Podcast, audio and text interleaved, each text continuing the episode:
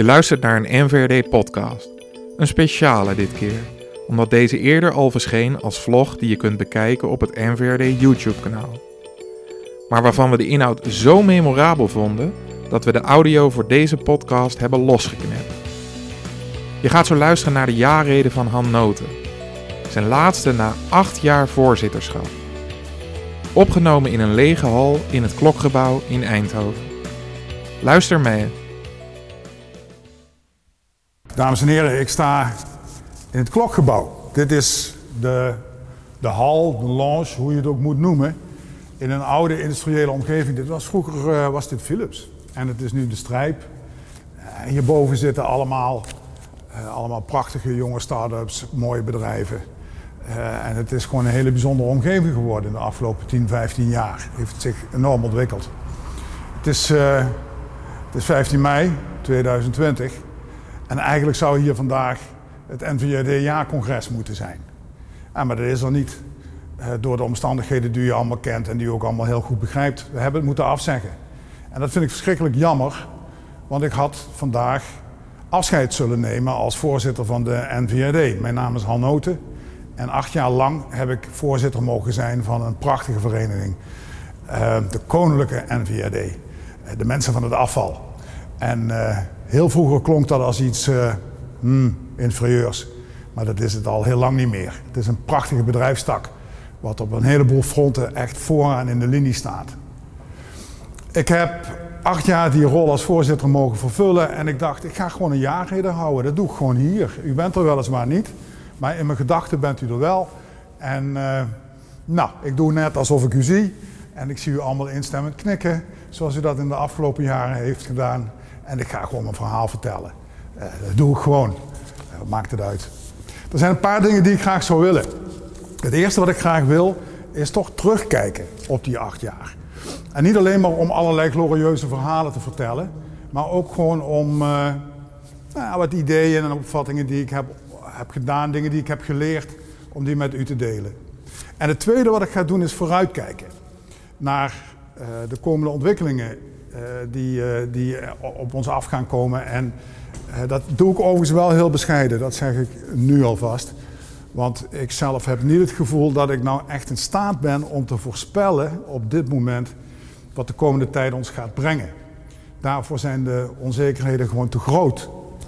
En, en alle mensen die u nu aan het vertellen zijn over wat er gaat gebeuren in de komende jaren, naar aanleiding van deze coronacrisis en de hele veranderende opvattingen over duurzaamheid en milieuvraagstukken.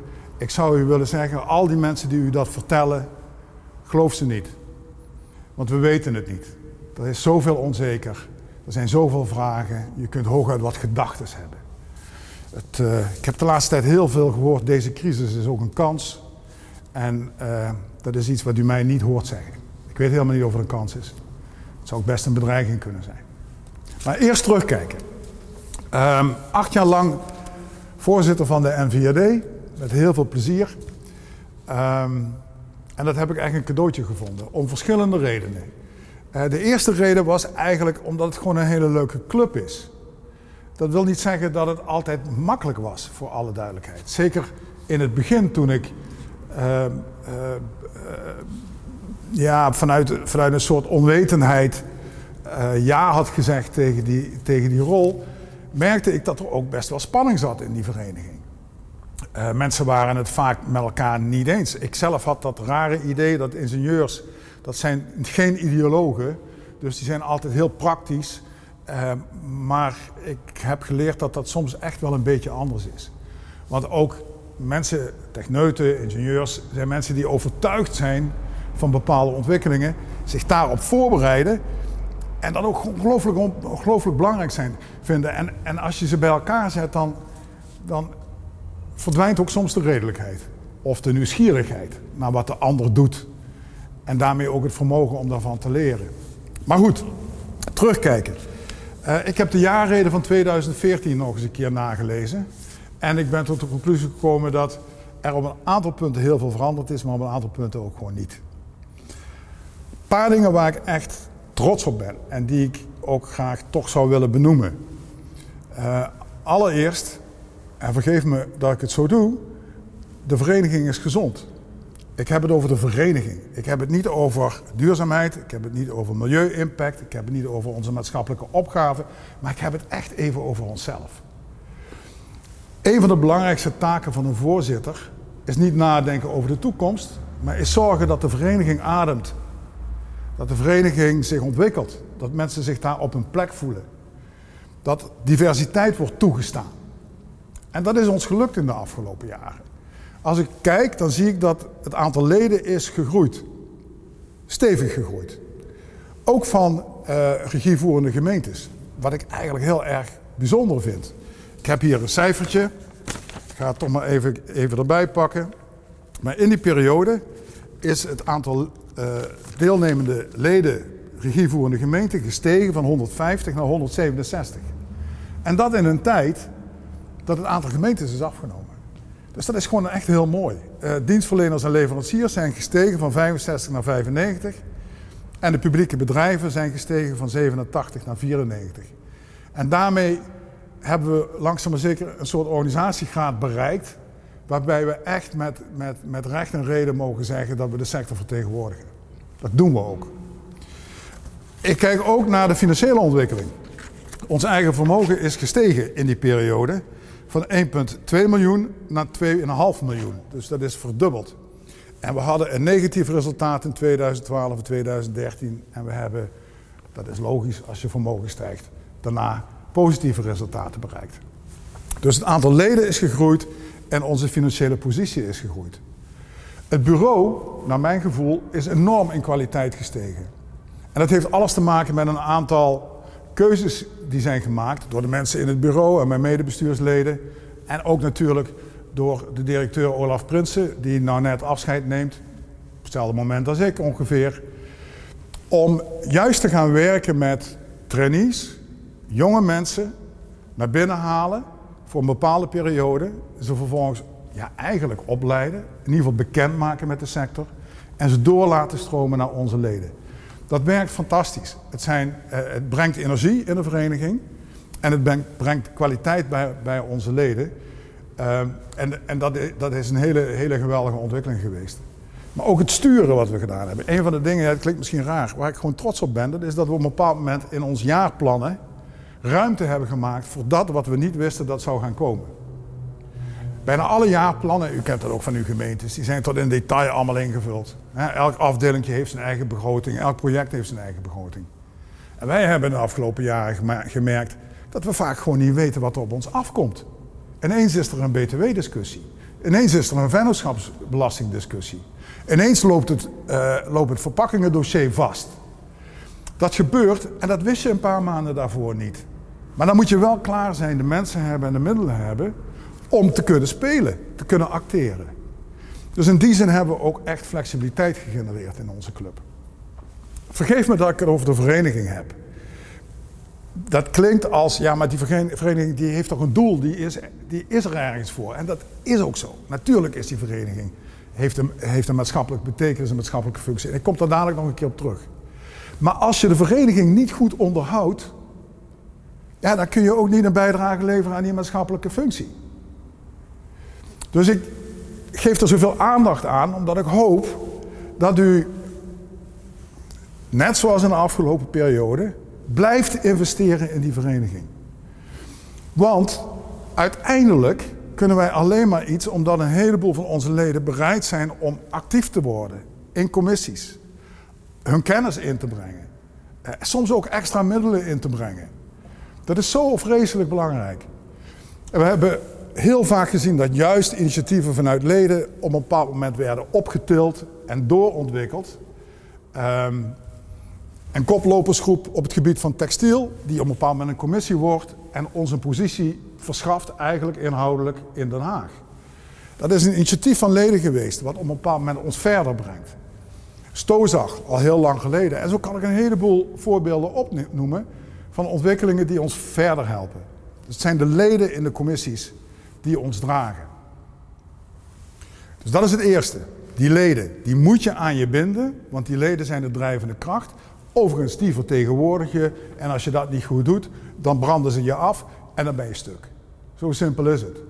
Dus daar moet aandacht voor zijn en blijven.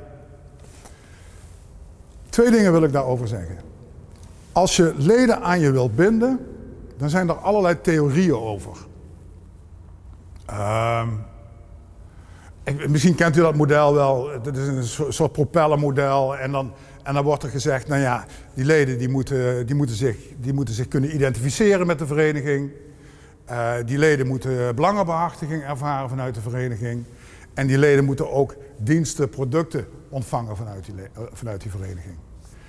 En ik heb altijd met heel veel argwaan naar dat model gekeken.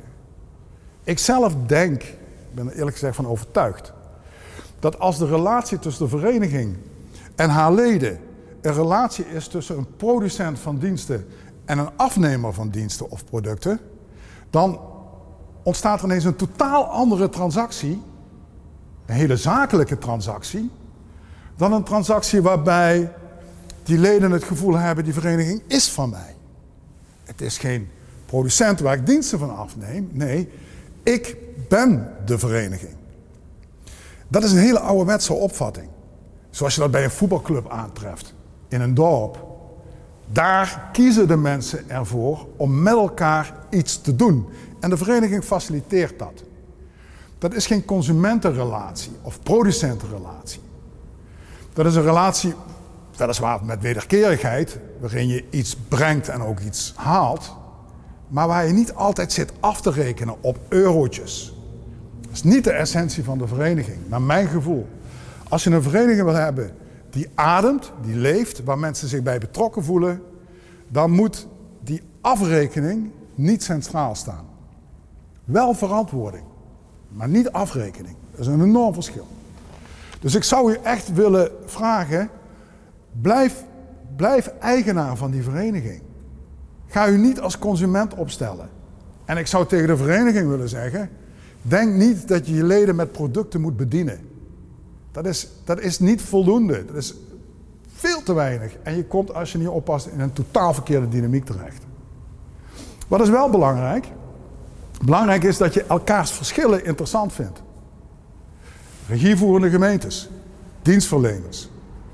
Dat ze van elkaar leren wat hun belangen zijn, wat hun positie is. En dat ze daarmee proberen rekening te houden. Kleine bedrijven, grote bedrijven. Dat ze elkaar interessant vinden. Dat ze zich door elkaar laten inspireren. Dat is ongelooflijk belangrijk. Dus mijn tweede advies zou zijn: ga niet knippen. Breng mensen bij elkaar vanwege wat ze belangrijk vinden. Breng ze niet bij elkaar omdat ze toevallig groot zijn of toevallig klein. Dat zijn geen relevante criteria. Breng ze niet bij elkaar omdat het voorscheiders zijn of nascheiders. Geen relevante criteria. Want als je zo gaat ordenen, leer je helemaal niks. Dus blijf elkaar ontmoeten over de volle breedte. Dat is echt mijn vraag. Dat is het tweede advies wat ik geef. Derde advies wat ik geef, en daar is de NVD ongelooflijk goed in. Het derde advies wat ik geef is, blijf elkaar ook vanuit gezelligheid ontmoeten.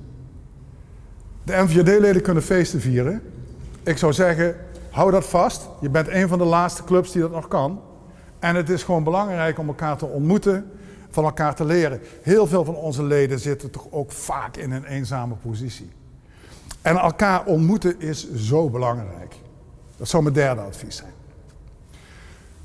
En ben prudent. Dat is mijn vierde. Nou kom ik bij mijn vijfde. Prudent bedoel ik mee, gooi het geld niet over de bank, balk, bestuur zorgvuldig. Dan kom ik bij mijn vierde. En die is belangrijk. Ik heb vaak de vraag gekregen, en die heb ik ook met veel moeite van me af weten te houden. Maar ik heb vaak de vraag gekregen: wat vind jij nou? Wat vindt de NVRD nu? Hoe moet het er over vijf of tien jaar uitzien? Wat is dat grote plan? Ik vind dat een gevaarlijke vraag.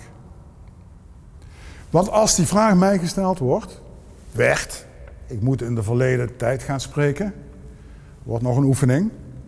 Maar als die vraag mij gesteld werd, dacht ik altijd: wow, moeten wij nu ergens vanuit het centraal kantoor gaan vertellen wat goed is en wat fout is? Wat de juiste ontwikkeling is? Waar we over 10 of 15 jaar moeten gaan staan? Ik geloof daar helemaal niet in. Sterker nog, ik denk dat als je dat zou gaan doen, als je die opvattingen zou gaan vertalen in een visie en dan vervolgens die visie zou gaan uitdragen waarin iedereen zich moet gaan houden, dan doe je twee dingen. Het eerste wat je doet is, je creëert een enorm conflict binnen je vereniging. Want sommigen zullen die visie volgen, maar anderen niet. Je creëert spanningen die destructief zijn. En het tweede wat je doet, dat is dat die prachtige verschillen die op dit moment overal ontstaan en waar we zo ontzettend veel van leren, dat je die verschillen als het ware gaat problematiseren.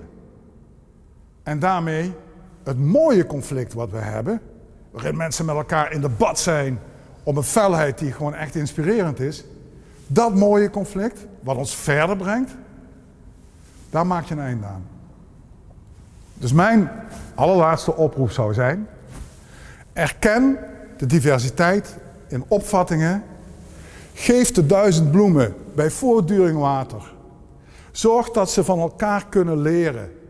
Probeer de verschillen niet op te heffen, maar probeer zelf beter te worden. En deel het. Je bent een publieke organisatie, open source. Alles wat jij doet zou gebruikt moeten kunnen worden door je collega die niet je concurrent is. Dat gezegd hebbende, heb ik toch nog een paar opvattingen over de toekomst. Het is dus echt onbeduidend. Niet belangrijk, het zijn maar twee, drie gedachten. De vraag is werkelijk wat er in de komende jaren gaat gebeuren. En als je fantaseert, niet meer dan dat, niet op basis van kennis, maar als je fantaseert, dan zou het zo kunnen zijn dat er veranderingen gaan plaatsvinden waar de bodem een verandering in opvatting over waardes is.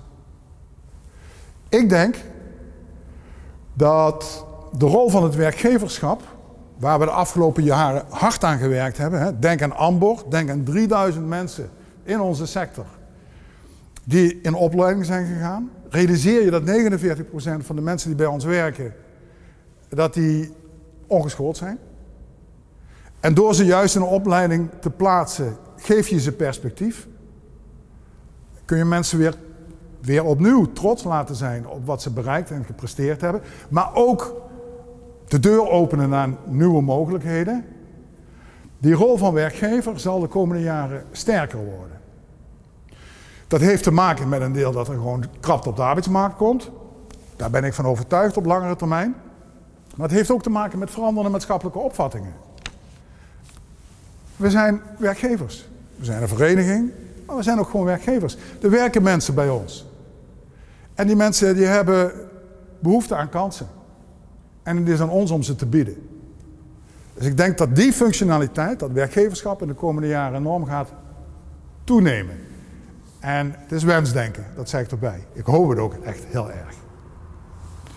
Het tweede wat ik denk is dat het belang van het niet belasten van onze omgeving steeds meer, steeds sterker door mensen gedragen zal worden. Daar komt steeds meer maatschappelijk draagvlak voor. En dat betekent dat we echt in front of the wave zitten. Want wij zijn daar een hele belangrijke speler in. Zoals we 150 jaar, 200 jaar geleden de grondleggers waren van de verzorgingsstaat. Dat waren wij. We waren de eerste. Samen met de jongens en meisjes van de rioleringen zorgden wij ervoor dat mensen gewoon in een stedelijke omgeving een beetje gezond konden leven. Bedoel, wij zijn van de hygiëne. Ja, niet precies van die gels en zo, maar wel uh, de allerergste ziektes zijn voorkomen door wat wij hebben bijgedragen aan die samenleving. Begin van de verzorgingsstaat. Ik denk dat dat alleen maar zal toenemen. Het besef dat wat wij doen onvoorstelbaar belangrijk is. En als dat besef toeneemt, dan is de vraag hoe we dat vorm moeten geven. En zoals ik net al zei, ik geloof niet in grote designs. Dat geloof ik niet. Maar ik geloof wel in twee belangrijke ontwikkelingen. De eerste ontwikkeling, die me ook heel nieuwsgierig maakt en waarvan ik denk dat tussen nu en tien jaar die echt heel manifest wordt, dat is de ontwikkeling van wat ik noem de lokalisering. Het kleiner maken. Ik denk echt dat binnen nu en een aantal jaren, net zoals ineens half Nederland zijn eigen energie opwekt, binnen nu en een aantal jaren half Nederland zijn eigen afval gaat verwerken. Ik ben daarvan overtuigd. Dat wordt nog heel ingewikkeld, maar ik zie niet in waarom we geen mini-vergistingsinstallaties zouden krijgen die een bijdrage leveren aan het klimaat in je eigen huis. Ik zie niet in waarom we niet zelf op een bepaald moment onze eigen plastic gaan decomponeren om het vervolgens als grondstof te gebruiken in onze eigen 3D-printers. Ik zie het niet in, ik ben ervan overtuigd dat het gaat gebeuren. Dus voor een aantal afvalstromen denk ik dat binnen nu en een aantal jaren in feite de burger zelf voorzienend wordt. Voor een belangrijk deel. Het zou ook een prachtige ontwikkeling zijn. En we, we zien historisch dat dat altijd gebeurt. Zoals de stoommachine vervangen is door een kleine elektromotor, zo zal op een bepaald moment de fenomenale vergistingsinstallatie worden vervangen door een uh, semi-boilertje boven je fornuis. Ik ben daarvan overtuigd dat dat gebeurt. Omdat de techniek ons daartoe in staat stelt. En dat ook altijd gedaan heeft. Dus dat is de eerste beweging die ik op lange termijn zie. En waar ik ook waanzinnig nieuwsgierig naar ben. En de vraag is of wij daar een belangrijke rol in gaan spelen. Dat weet ik helemaal niet. Ik denk dat hier vooral technologie gedreven zal zijn. De tweede grote lijn die ik zie, is de lijn van de grote afvalstromen die nog niet op die manier verwerkt kunnen worden. Die we eigenlijk nog kwijt zijn. En daarvoor geldt wat we de afgelopen jaren hebben gezegd. De keten moet worden gesloten. Nou, voor degenen die mij kennen, die weten dat luiers voor mij een fenomeen, fenomenaal onderwerp is. Ik heb het er graag over. Maar het is wel het typisch voorbeeld van hoe we in een bepaalde periode een keten kunnen sluiten. Luiers kun je verwerken, recyclen. De grondstof kun je opnieuw gebruiken. Maar dat kan alleen maar als het materiaal zodanig gestandaardiseerd is dat het ook te verwerken valt. En als het materiaal ook op een betrouwbare manier kan worden opgehaald, zodat voor de verwerkingsfabriek er voldoende volume is. Die keten van productie, conform bepaalde standaards, volume genereren in het afval, zodat je die magistrale verwerking kunt realiseren en tot hergebruik kunt komen, vereist een hele complexe, uh, dwingende keten van afspraken tussen heel veel partijen. Dat wordt een oefening in de komende jaren om die langs allerlei verschillende materiaalstromen te gaan realiseren. Ketens, matrassen, luiers, matrassen, noem maar op. U kent ze allemaal zelf. En iedere keer weer opnieuw zul je die keten moeten sluiten. Afspraken met producenten over de aard van het product. Afspraken in het kader van ophalen en wegbrengen. Dat doen wij voor een belangrijk deel. Volume garanderen voor een verwerkings... Uh, zodat er voldoende uh, aanbod is voor de verwerkingscapaciteit. En uiteindelijk weer hergebruiken.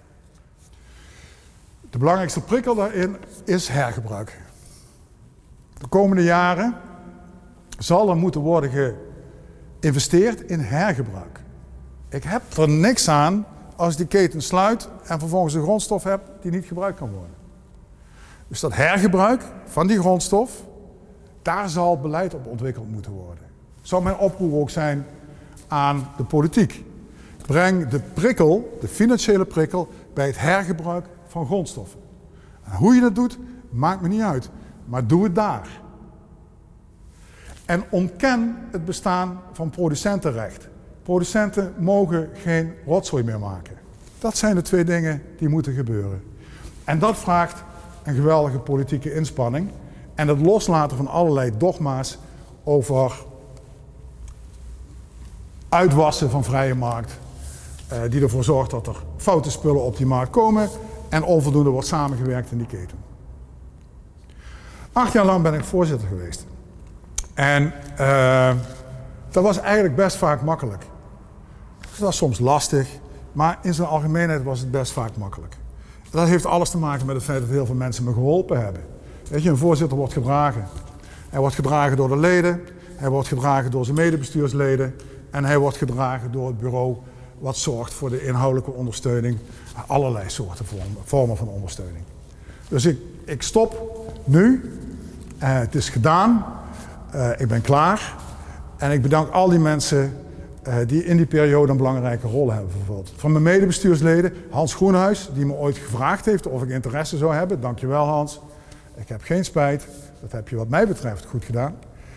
Um, Olaf Prinsen, Erik de Baats, directeur. Olaf Prinsen, die ruim vier jaar, vijf jaar, ik weet het niet eens, uh, eigenlijk ervoor gezorgd heeft dat ik het helemaal niet zo druk had.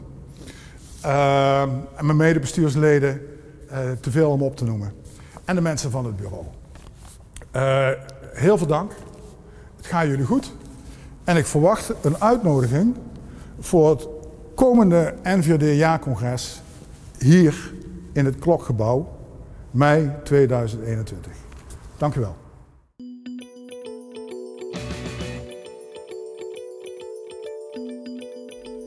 Bedankt voor het luisteren naar deze podcast. Ben je benieuwd naar de video die bij deze podcast hoort? Bekijk hem op het NVRD YouTube-kanaal. Benieuwd naar de volgende audioreportages en podcasts van de NVRD? Abonneer je via Spotify, iTunes of een van de andere podcastkanalen.